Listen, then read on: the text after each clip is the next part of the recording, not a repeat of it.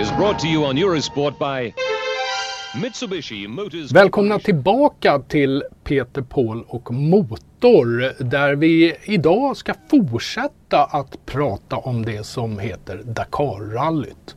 vi som inte är så involverade ofta kallar Paris-Dakar. Men eh, vi kommer visa i det här programmet bland annat att det är betydligt mer än så därför att man har åkt i ett antal olika länder och med många, många olika sträckningar. Och ni som vill veta mer om Dakar och inte har lyssnat på vårt förra avsnitt så rekommenderar vi att ni börjar där. För där pratar vi om bakgrunden, grundaren och hur Dakar kom till. Man ska ju vara medveten om att det här började som ett äventyrsrally. Thierry Sabin som startade tävlingen, han eh, hade ett motto som gäller för Dakar än in i denna dag och det är att en utmaning för de som deltar, en dröm för de som inte är med. Och precis som då ända fram idag så är det ju många som deltar bara för att ha fått uppleva Dakarrallyt.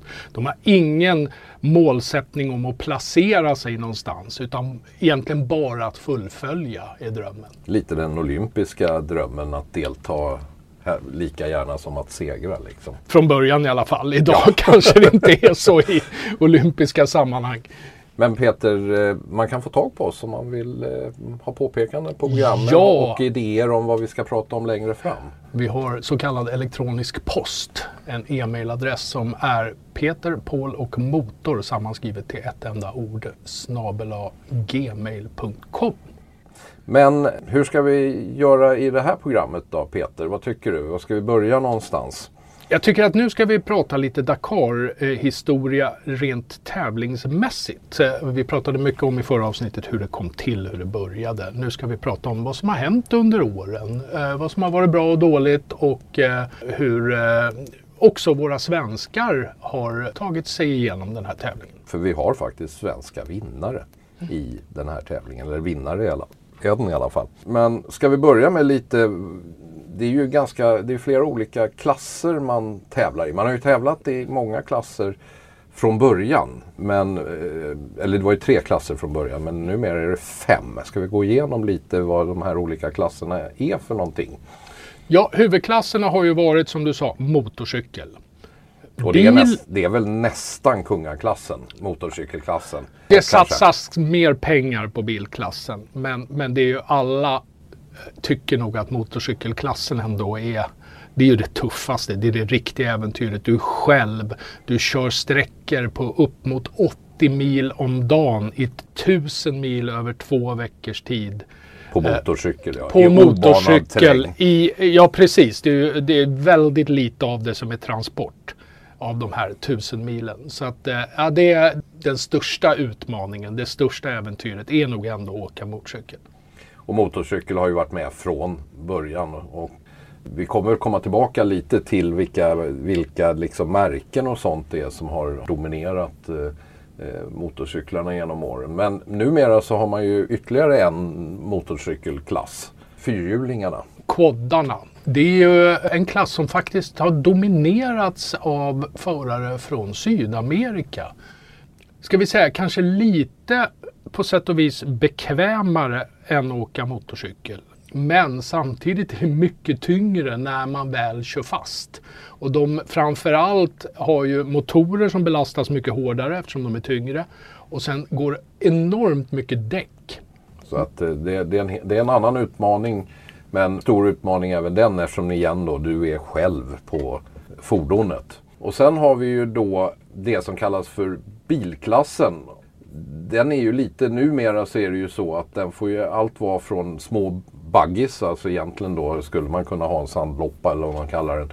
Här Volkswagen om du hade velat ha det. Till små SUVar. Och det är bilklassen och den har också varit med eh, från början. Och det är ju där som svenskarna har ju haft mer framgång, mest framgångar i totalen ska vi ju säga.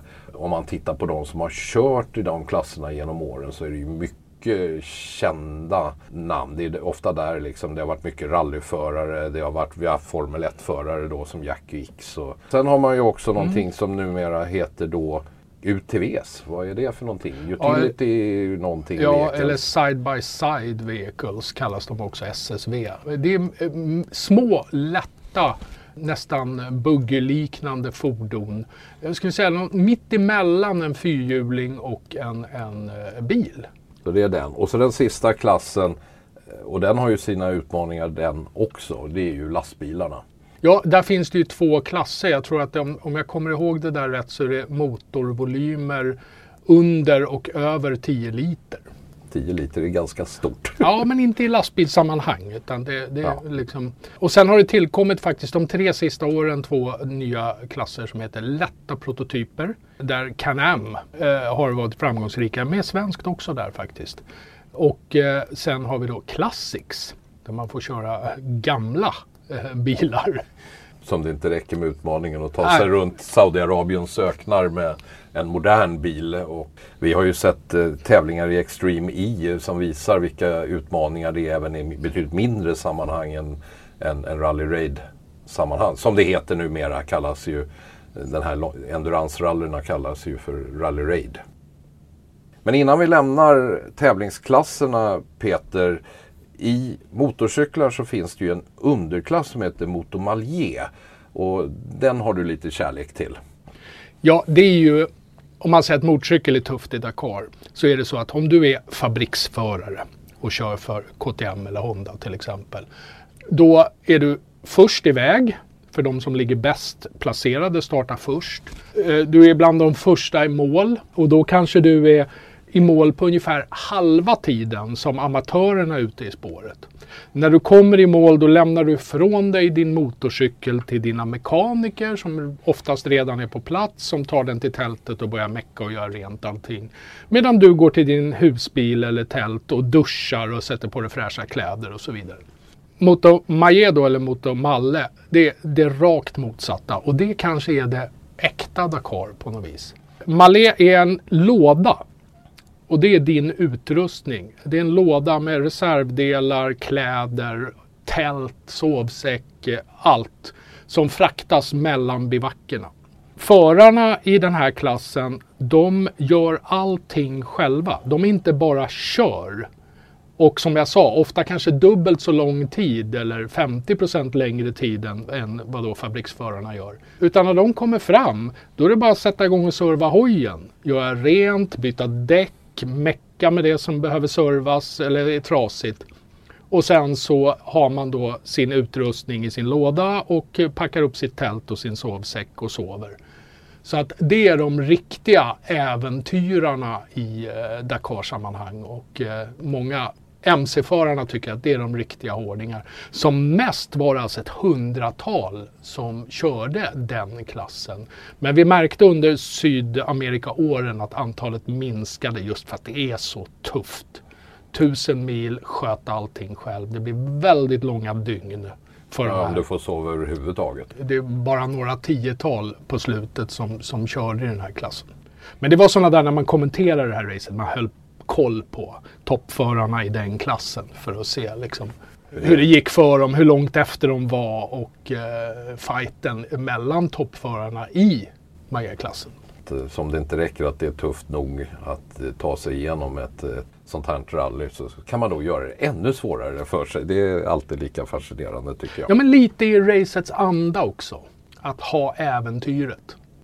Dakarrallyt hette ju från början Paris-Dakar för att tävlingen kördes mellan Paris och Dakar i Senegal.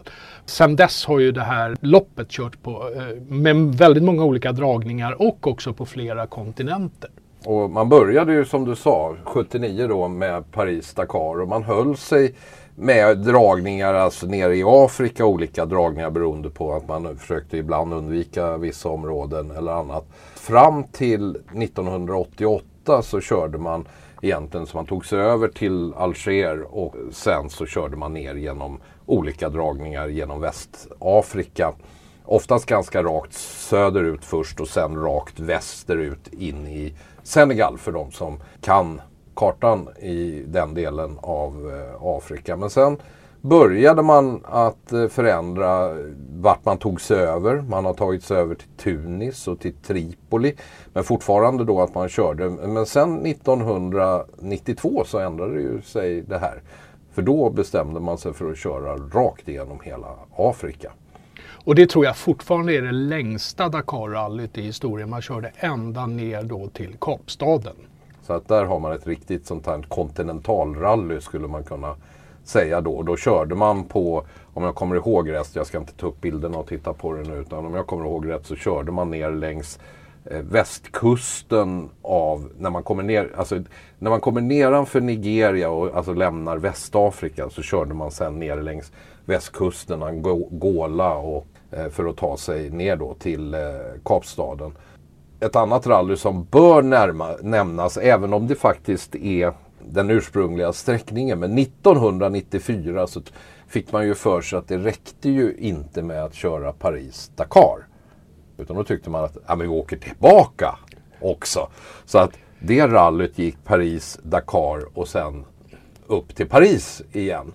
Och det lär ha varit eh, en riktigt eh, tuff eh, utmaning. Och man, när man ner så tog man sig ner via Bordeaux och sen Agadir på vägen tillbaka så åkte man förbi någonting som heter Ouarzazate som är porten till öknen. Fantastisk arkitektur och sådana saker. Alltså sån här lerarkitektur och sånt. Så att det, det var en eh, utmaning. Det var förresten övrigt samma år som man bytte Ursprungligen så hade ju alltså varit då Sabins familj och en kille som kallas för Fenoy som också var med och, startade rallyt. Han var den jag, jag, inte kom på namnet på i förra avsnittet som heter Jean-Claude Mourier.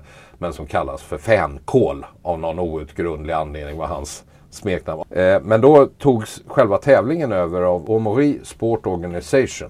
Och då, det var väl kanske därför att man då ville göra något liksom extra mycket. Men då körde man liksom hela varvet runt. Och det är ju också en mm. Och det är därför jag var tvungen att reservera mig lite. Jag tror att 92-racet då till Kapstaden var längst. Men eh, det där är en utmanare till det. Ja, eh, men vi har inte sträckan på det. Mm. Eh, till Kapstaden var 1250 mil cirka. Men det borde vara mer då där. Men det spelar mindre roll. Mm. Långt var det i alla fall. Men sen började man också, man lämnade då året efter också Frankrike. 95-96 så startade man i Granada. Eh, och sen eh, 97 då körde man, började man i Dakar och slutade i Dakar. Så att man lämnade aldrig eh, Afrika. Och sen kom Paris tillbaka och sen Granada. Så man höll på med det där. Och sen 2000 då, då tyckte man att nu drar vi ett igenom Afrika. Det är också spännande. Man går alltså från Dakar i Västafrika till Kairo i nordöstra hörnet eh, av Afrika slutat i Sham el Sheikh som är en, en ort i, i Egypten om jag kommer ihåg rätt. Och man höll på då de här åren på början av 00-talet som jag brukar säga. Fram då till det här att eh, 2008 så ställde man in. Och då hade man de två sista åren innan där börjat i Lissabon. Och så ställde man in 2008 och sen börjar ju då nästa del av eh, Dakar-historien med eh, tävlingarna i Sydamerika där man ju har kört i väldigt många länder, framförallt i södra delen av Sydamerika. Argentina, Chile, Peru, Bolivia, Paraguay och Uruguay. Och lustigt nog tror jag inte man har kört i Brasilien som ju ändå är angränsande. Och stort. Men just den delen av, ska vi säga sydvästra Brasilien är väl inte jättetätt befolkad. Men om man ser rent tävlingsmässigt så är väl frågan om de här första åren när man var och, och, och Sydamerika så att säga var öppet. För du var ju inne i förra programmet där att det blev mer och mer problematiskt att arrangera där. Men de första tävlingarna är kanske de bästa ur ren tävlingssynpunkt som Dakarrallyt har haft. Det var många olika sorters underlag, det var långa sträckor, man tog sig igenom Anderna. Alltså det var väldigt spännande tävlingar. Väldigt bra och ett väldigt omväxlande landskap. Man hade kvar sanden och dynerna men vi hade också berg och saltöken och viss regnskog. Så en del sträckor var ju mera som en ska vi säga, normal rallysträcka med grus. Medan andra var extremt svåra ska vi säga, underlag att köra på. Men sen så berättade du också i förra avsnittet då att det blev besvärligare och besvärligare att få tillstånd. Och så dessutom så, så, och det gäller ju egentligen överallt, det är ju det att det blir ju svårare och svårare att ge sig ut och göra sådana här saker i obanad terräng därför att miljömedvetenheten och den skada som hundratals fordon som kör på det sättet ställer till med har gjort det svårare och svårare och arrangerade, Och det gjorde ju då att för fyra år sedan så flyttade man, efter covid eller under covid, så flyttade man ju hela tävlingen då till Saudiarabien. Och det finns ju ett mästerskap ska vi tillägga som har pågått under 2000-talet, så Rally Raid-mästerskap. Och där har ju de flesta deltävlingarna körts i norra Afrika eller i Mellanöstern. Det enda som väl sticker ut där som ett lite tyngre eh, evenemang är det som heter Silk Road Rally. Men det har ju blivit omöjliggjort att köra nu sedan eh, Ukraina-kriget.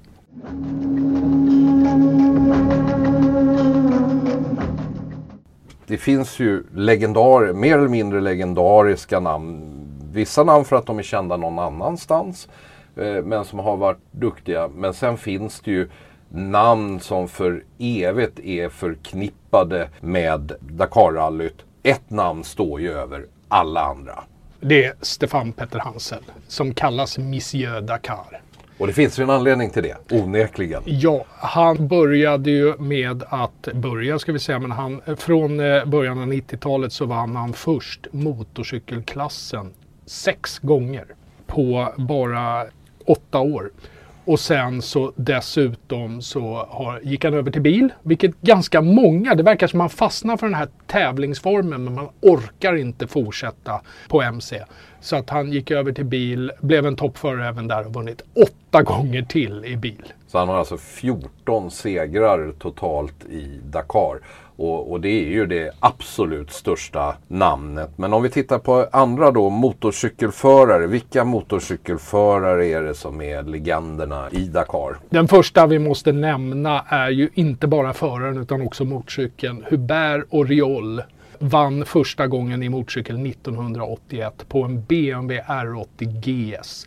Och han startade ju då hela BMWs GS-era som nu har varit i 44 år. De släppte den nya modellen nu för 2024 då, 1300 GS. Och det gjorde han två gånger. Han vann 83 också på en sån och sen vann GS ett par gånger till med Gaston Reiner. Men han blev också, Hubert, Hubert Oriol blev också den första som vann både motorcykel och bil. För han vann bil sen. Så det är ju ett namn. Men eh, sen har vi ju då om vi tittar på motorcykelkillarna. Det är några namn som sticker ut som jag tror de flesta som bara är motorsportintresserade känner igen. Ja, vi nämnde Cyril Nevaux va? Som, ja. som eh, då var Hondas fabriksförare och vann då på den som hette NXR 780. Han vann faktiskt första gången på en, en eh, encylindrig XR 550. Men han har ju också vunnit då fem gånger. Bara tre av de fyra första åren. Ja. Det, var bara, det var bara Oriol som lyckades rå på honom i början. Fem första åren var det de två ja. Och sen eh, så är det ju då Cyril Dupré som precis som Petter Hansel har vunnit både i bil och på motorcykel.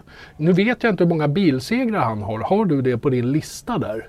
Ja, då får vi nog ta och titta en bit. Kan, ja, vi kan återkomma till det. Vi kan återkomma till det. Men sen är det ju då den senaste superstjärnan, eh, 2000-talets store mästare, Marco Ma. Som numera är banläggare och involverad i tävlingsorganisationen. Men som då har vunnit både i Afrika och i eh, Sydamerika, Sydamerika mm. på motorcykel. Så att där har man liksom de riktigt eh, stora. Sen finns det ju en mängd det är många, många som är bra. Eh, om man tittar på etappvinnare så är ju, är ju då, men där är inte Peter Hansel manad där när det gäller antalet segrar när det gäller etapper. Ja, och det är ju just Cyril Depré. De har vunnit 33 etappsegrar vardera. Men där har vi ju också då en förare som inte är med på de här namnen vi har nämnt. Eh, vi har Joan Bareda som mm. är ju aktiv dessutom. Eh, som har 30 etappsegrar. Ja, Juan Barreda Bort som han heter. Han har varit fabriksförare framförallt hos Honda. Och problemet är att Honda har inte vunnit Dakar på 2000-talet utan det är, har helt dominerats av KTM och deras underfabrikat då, Husqvarna. Så att eh, han har vunnit sträckor, han har ofta varit med i toppen men eh, har ingen totalseger. Han har alltså fem etappsegrar mer än då Koma har som har vunnit fem gånger. Det, det, men det är mycket som spelar in. Men det är, så att, om, det, det är lite om de stora stjärnorna när det gäller motorcyklar.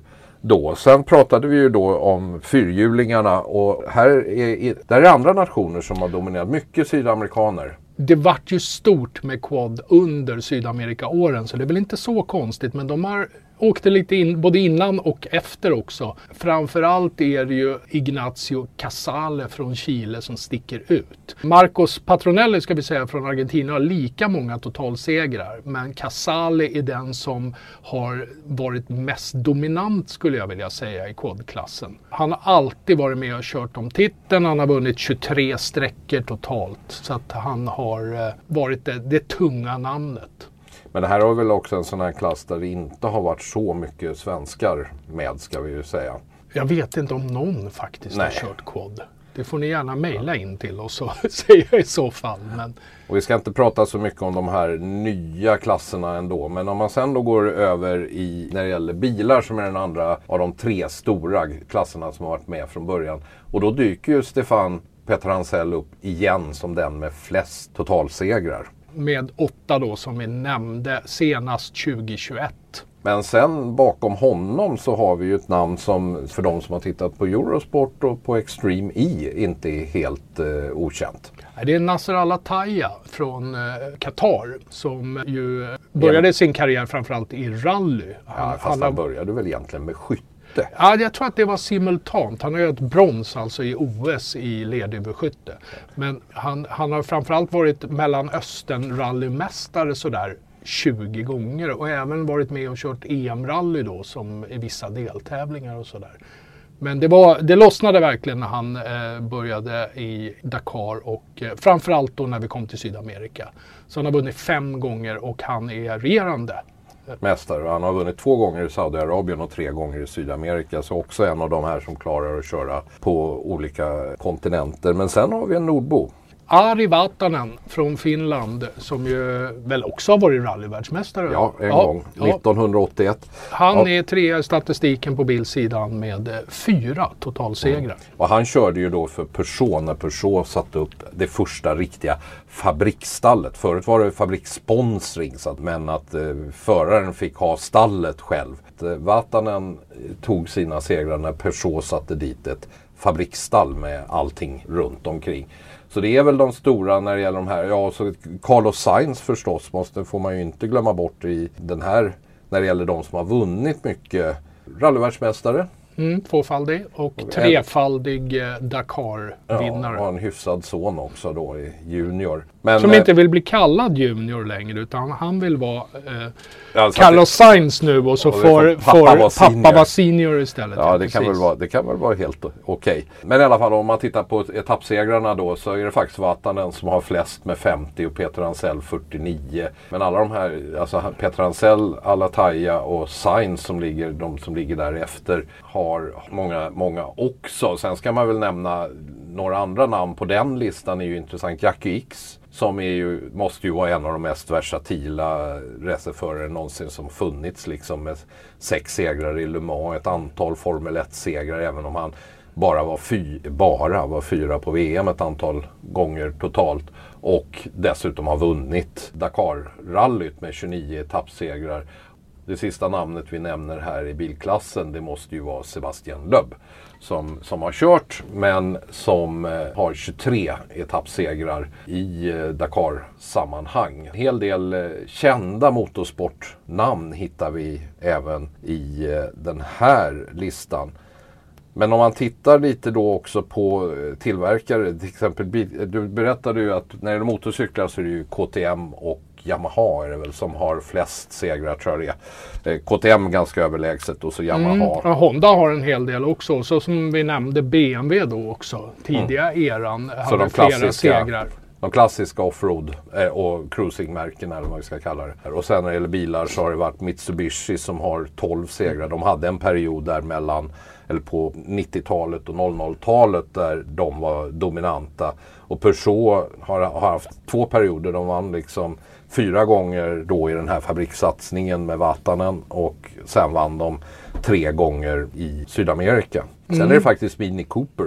Ja, just det. De lanserades ju hårt i mitten av eh, 2000-talet och eh, var med först som fabriksteam och vann fyra gånger då och sen har de varit eh, starka, ska vi säga, köpteam för privatförare och vunnit två gånger till. Bakom dem så finns det två kända märken också. Då Citroën som var med som under 90-talet hade en bra bil. Och Volkswagen. Och med det så kommer vi då till radioövergången som jag hade tänkt mig att eh, som av en händelse så kan vi ju då gå över till svenskarna som har varit framgångsrika i Paris-Dakar. Därför att Volkswagen vann 1980 och föraren hette Freddy Kotulinski. Svensk, eller han, han är ju ättling från eh, Tyskland, bosatt i Sverige, under, eller svensk kort sagt.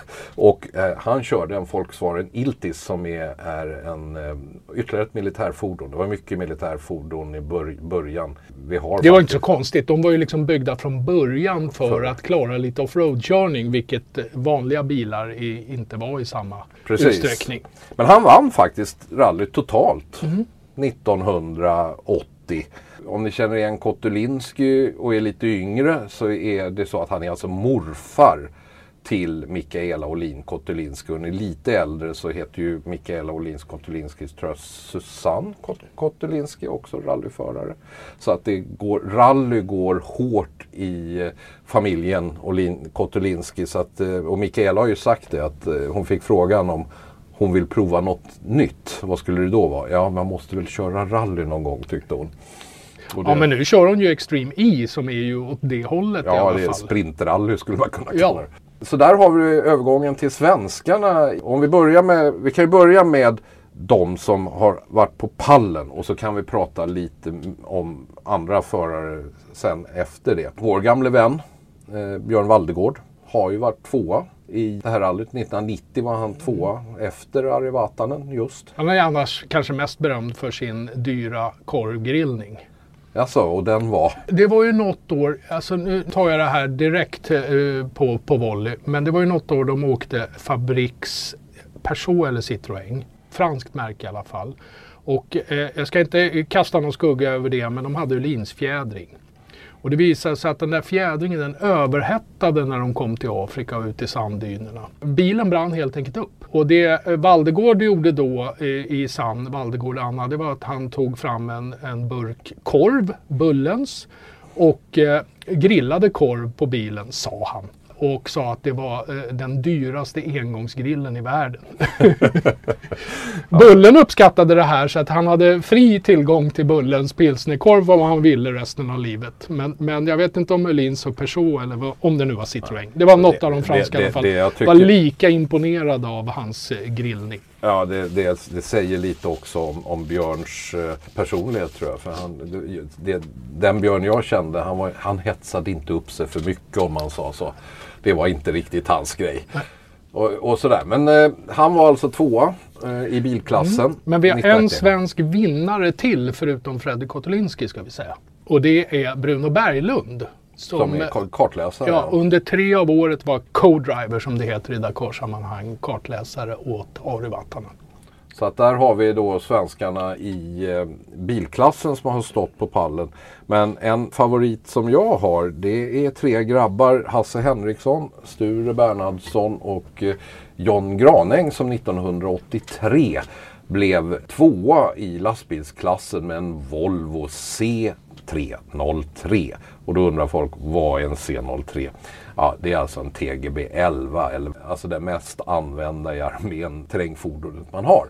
Men den har alltså varit med och tävlat på hög nivå Dakarrallyt. Det är nog en ganska bra val så tillvida att den är eh, hyfsat eh, liten, kort hjulbas och hög. Men motormässigt så kanske den inte var riktigt racemässig. Nej, men eh, sakta vinner man. Ja, sköldpaddan och haren lite grann kanske. Precis, ja. Eh, Så att eh, vi, Volvos eh, TGB 11 och sen den lite större kompisen heter ju TGB 13. Då. Och sen har vi då en, i modern tid, i just den här lätta prototypklassen som du nämnde för en stund sedan. Så har vi ju då Sebastian Eriksson som tillsammans med Wouter Roskar som är alltså från Nederländerna. De var tvåa så sent som för 2022 i den lätta prototypklassen. Men sen har vi ju många, det ska vi ju säga det att det är väldigt många som har deltagit så vi har inte tagit med alla dem. Och väldigt många deltar ju då i den här som jag ska vi kalla det som äventyrare. Alltså. Men vi har några i, i motorcykelsammanhang som vi måste prata om. Ja, och framförallt eh, då kanske PG Lundmark som blev känd under sina Dakar-år och som är mig vetligen den enda svensk som har sträcksegrar i motorcykelklassen. Problemet för PG var att han fick inte riktigt fabrikssupport. Annars kunde han nog varit med och köra om totaltiteln också. Men det är väl lite underligt när han var sträcksegrare. Ja, han fick support av BMW ett år, men just det året var BMWn inte särskilt bra. Jag har för mig att den gick sönder då. Men annars åkte han så att säga köp KTM men Dakar-utrustat. Bästa placeringen vad jag vet sexa totalt. Vilket ju inte är dåligt. Nej, det är jättebra. Alltså framförallt då eh, gissar jag att det var ingen framför honom som inte var fabriksförare. Sen eh, måste vi nämna Olle Olsson som var med eh, 98 och kom eh, 31. Men den deltagare vi har från Sverige som har varit med flest gånger vad jag vet. Här får ni gärna som sagt eh, höra av er om ni har andra synpunkter. Men det är ju faktiskt Annie Sel. Eller Annie Sil som jag brukar kalla henne. Eh, hon har ju kört både bil, motorcykel, SSV och varit både förare och kartläsare på fyra hjul då. Och hon har vunnit damklassen för motorcykel och kört både också i eh, Afrika och i Sydamerika. Så att hon är vår meste Dakar-förare vad jag vet. Och det finns en biografi över henne om man vill eh, dyka lite. Den heter något bra. Ja, ingen minns en fegis. Det har ju alltid varit hennes valspråk. Jag har sett att det är många på senare år som har anammat det där. Vad jag vet så var det hon som började med det i de här sammanhangen i alla fall. Ja, jag tycker det är en bra, det är en bra tes för alla som har varit med egentligen. Att, igen, tillbaka då till den här att eh, ett äventyr för de som var med och en dröm för de som inte var det.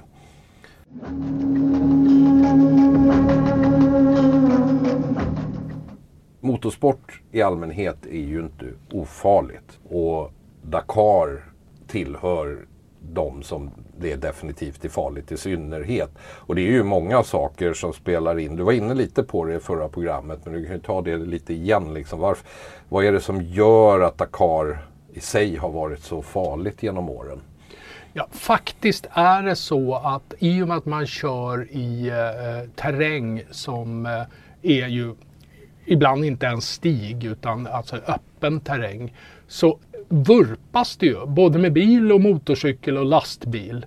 Eh, men faktum är att de flesta dödsfallen bland förarna har varit kollisioner. I början också hade vi inte GPSer och satellittelefoner och sånt där. Eh, då var det faktiskt så att en del försvann några dagar och hittades avlidna och sådär. Men flesta har varit krascher och kollisioner. Och egentligen så är jag lite förvånad när jag läser att det bara är bara Bara är 32, 32 stycken Ja. som har, har dött i Dakar. Jag, jag hade gissat på fler faktiskt. Det är ju fortfarande så att de två sista de har ju dött. Pierre Cherpin och eh, Quentin Lavalle eh, har ju dött under åren i Saudiarabien. Så att eh, det är inte så att, alltså att den har blivit eh, säkrare på det sättet. Utan det är en ganska stadig ström just därför att man kör på ställen där det kan. Det kan ju helt plötsligt vara en sten som man inte ser och så rakt in i, i den liksom. Men det, det är ju också det som är kanske utmärkande när det gäller farligheten är ju det här att det är väldigt mycket folk inte har tävlat som har dött. Det mest kända får man ju ändå, det vi- var vi inne lite på i förra programmet också, är då grundaren eh, Thierry Sabine som tillsammans med fyra andra dog 1986 under rallyt när man drabbades av en plötslig sandstorm och gick rakt in i en eh, sanddyn. För man ska med helikopter? Med helikopter ja, för Sabin åkte alltid runt med helikoptern för att hitta folk just eftersom han inte ville att de skulle försvinna ut i öknen. Och, och så, även om det var ju så han lär, fick sin kärlek till den där tävlingen var ju när han försvann. Men han, eh, han är också känd för att ett par år tidigare så hade han letat i, varit runt och letat i tre dagar efter ett gäng förare som hade tagit fel någonstans och hamnat långt ut i ingenting. Och letat rätt på allihopa och sett till att få dem tillbaka på, på rätt väg. Men det har gått åt mycket folk eh, runt om. Du sa det att det var nästan att det har gått åt mer journalister än vad det har gått åt förare. Ja, det stämmer inte riktigt men, men det är ändå 14 stycken journalister. De färdas ju också också med eh, både helikoptrar och bilar mellan bivackerna. Och, och eh, inte nödvändigtvis exakt samma sträckor eftersom de kan hålla sig på vägar i större utsträckning än vad deltagarna gör. Men eh, det är inte helt riskfritt. Och sen har det gått åt eh, drygt 20-tal åskådare också under åren. Det är fortsatt farligt. Det kommer man eh, inte ifrån och det är fortfarande ett av de stora sista äventyren får man väl ändå kalla Dakar. Men med det kanske vi ska säga att eh, ni har fått en liten introduktion och det är ju snart dags för Paris Dakar, eller nej, Dakarrallyt i Saudiarabien. Eh, det är snart dags för Dakarrallyt i Saudiarabien igen. Det kommer man eh, visserligen med engelsk kommentering men det, man kommer att kunna följa det på eh, Eurosport och Discovery. Det där tycker väl vi att det är väl en liten introduktion till Dakarrallyt, dess historia, de stora namnen. Jag tycker som en parentes att man kan lägga till att eh, det finns ju också någonting som heter Africa Eco Race. När Dakar flyttade till Sydamerika så var det då naturligtvis en fransk organisation som tyckte att eh, nej men vi vill köra Dakar i, till Dakar. Och då startade man ett race som var lite mer tyckte man i andan av eh, det ursprungliga Paris-Dakar. Att äventyret skulle vara viktigare än eh, själva tävlingen och att man också kände att eh, man ville samarbeta med de här nationerna som man körde igenom och få med, dem med på racet genom att göra just ekologiskt arbete, miljöarbete i de här. Ja, för det är ju en av de saker som Dakarrallyt har varit kritiserad för. Dels det här att inte varit väldigt intresserad av mm. miljöarbetet och dels att man då har kört genom områden som varit kontroversiella och det varit miljö och annat. Men eh, Dakarrallyt och den, dess eh, släktingar runt om lär ju fortsätta för det är ju en, är ju en väldigt speciell form av motorracing. Men jag ska säga det att Africa Eco Race då, eh, de fick ställa in 2021 och har inte kört sedan dess på grund av pandemin. Men i år så kommer de att köra från Monaco till Dakar. Så vill man liksom köra som på bucket list eller något sånt där, ett, ett, åtminstone Frankrike Dakar-race, så är det fortfarande genomförbart. Och med det så tycker jag att vi avslutar de här två programmen om eh, Paris-Dakar. Eh, Eh, ni kan ta kontakt med oss, Peter Motor, gmail.com. Tills vi hörs nästa gång. Ha det så bra. Hej då. Hej då.